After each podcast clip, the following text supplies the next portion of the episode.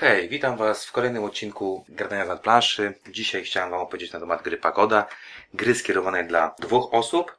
Czas rozgrywki to około 30-45 minut i gra wydana jest przez Pegasus Szpile. Tak wygląda pudełko. W grze będziemy wcielać się budowniczych świątyń, czyli będziemy budować piętrowe świątynie z taką wieżyczką na górze i pokażę Wam zaraz, co się znajduje w pudełku i jak się w tą grę gra. W pudełku, które widzieliście, znajdujemy po pierwsze planszę główną z sześcioma miejscami na budowę świątyń oraz torem punktacji, który jest tutaj naokoło.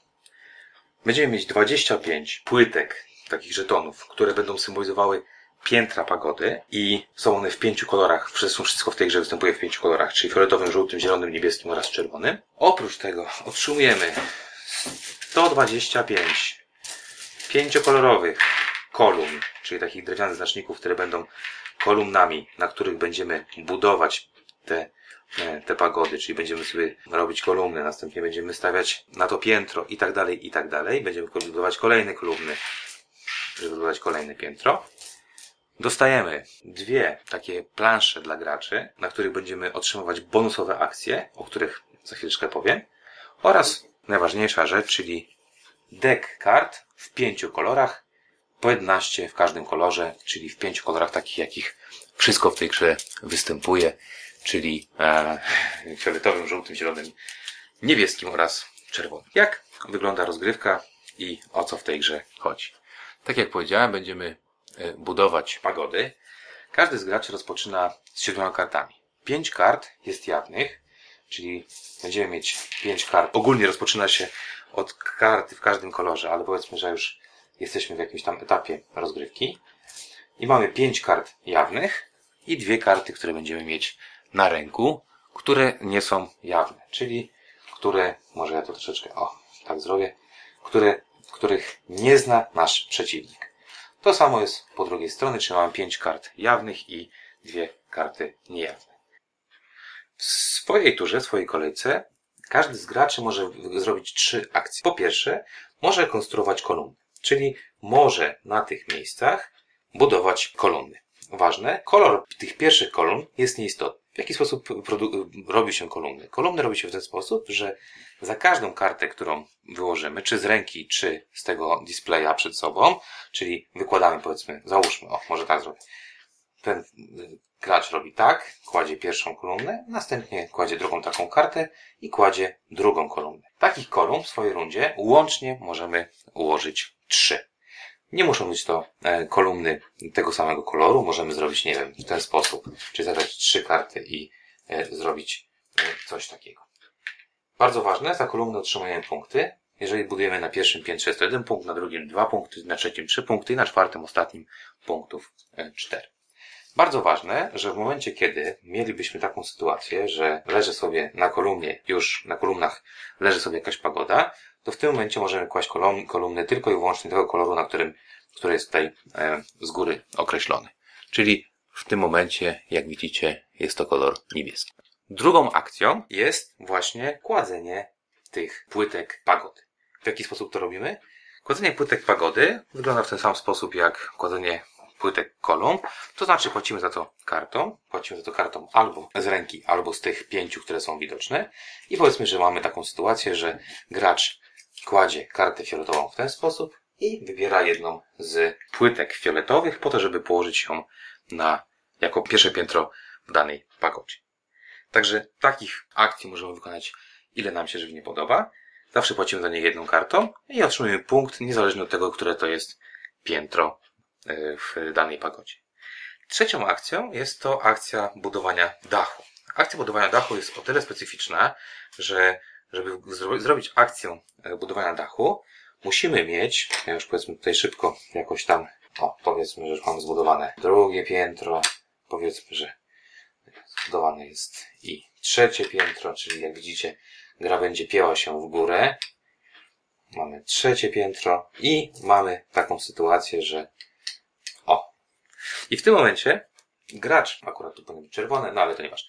Gracz może zbudować dach. Jak to wygląda? Po pierwsze, kładzie powiedzmy kolumnę i buduje czwartą płytkę. Ale płytkę buduje jakby na drugiej stronie. Polega to na tym, że nie kładzie jej w ten sposób, tylko w ten sposób i musi mieć na zakończenie pagody. To znaczy, znaczy musi mieć na zakończenie pagody. To znaczy musi móc zbudować dwie kolumny na jej szczycie. Taka pagoda składająca się z czterech pięter, czyli mamy tutaj zużyte 16 kolumn plus dwie kolumny na szczycie w kolorze, który jest określony, jest uznana za skończoną. Takie coś pozwala y, graczowi, który to zrobił, nie tylko otrzymać punkty za ewentualne kolumny, które postawi na czwartym piętrze, oczywiście za piętro, ale także 5 punktów za zrobienie y, tej konstrukcji całego dachu. I w tym momencie pagodę mamy ukończoną. Jeżeli trzy takie zostaną ukończone, gra kończy się. To są te trzy podstawowe akcje, które y, w tej grze się wykonuje i nic więcej tutaj nie ma. W momencie zagrania kart, czyli jak pozbywamy się ich z ręki i ze stołu, uzupełniamy na koniec, na koniec jakby swojej rozgrywki, uzupełniamy tutaj do pięciu jawnych oraz do dwóch kart uzupełniamy e, swoją rękę i w ten sposób zakończamy swoją kolejkę i przechodzi to na gracza drugiego. Bardzo ważne są bonusy. Bonusy, które otrzymujemy, które dość mocno tą grę modyfikują. Małe planszetki dla graczy, o których Wam mówiłem na początku, są to planszetki, które wykorzystujemy w momencie stawiania pięter pagody. Stawiając piętro pagody, w zależności od tego, jakiego koloru będziemy to piętro stawiać, mamy te pięć kolorów, mamy takie znaczniki i będziemy je przesuwać na najbardziej tutaj skrajną e, prawą pozycję. O co chodzi? Chodzi o to, ja może to tak e, na razie zdejmę, że będziemy mieć tak jakby bonusowe akcje ułatwiające nam granie. Za każdym razem, kiedy położymy płytkę fioletową, czyli zrobimy wachlarz, mamy taką sytuację, że dobierając karty, bo po zagraniu wszystkich akcji i skończeniu kolejki dobieramy do pięciu kart tych odsłoniętych i do dwóch na ręce, czyli żeby mieć cały czas siedem kart, daje nam tutaj możliwość dobrania czterech kart na ręce, czyli mieć na posiadania dziewięciu kart.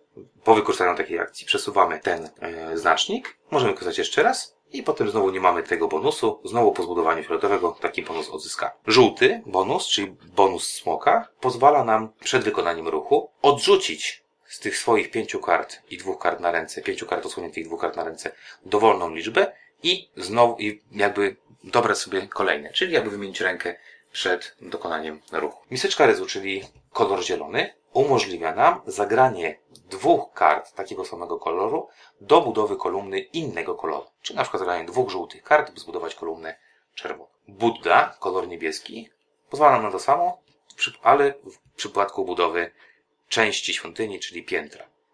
Odrzucamy dwie dowolne karty, na przykład dwie fioletowe, by zbudować piętro innego koloru, na przykład zielonego.